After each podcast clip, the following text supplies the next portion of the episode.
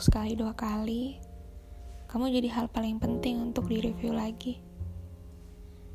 Cerita kita yang cuma ditulis sebentar, yang bahkan gak sampai ending.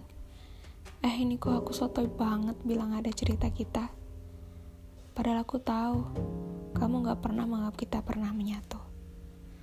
Cerita yang terpaksa ditutup karena kamu, pergi tanpa sedikit pun berusaha bawa aku pulang ke sebuah pemahaman bahwa bahwa buat kamu ada yang lebih baik dari bertahan dan saling menghidupkan. Kalau kata maaf dan penjelasan terasa sulit diberikan, aku mau melupakan. Melupakan hal yang pahit, yang sakit, yang bahkan seharusnya buat aku gak mau ngomong kayak gini sekarang.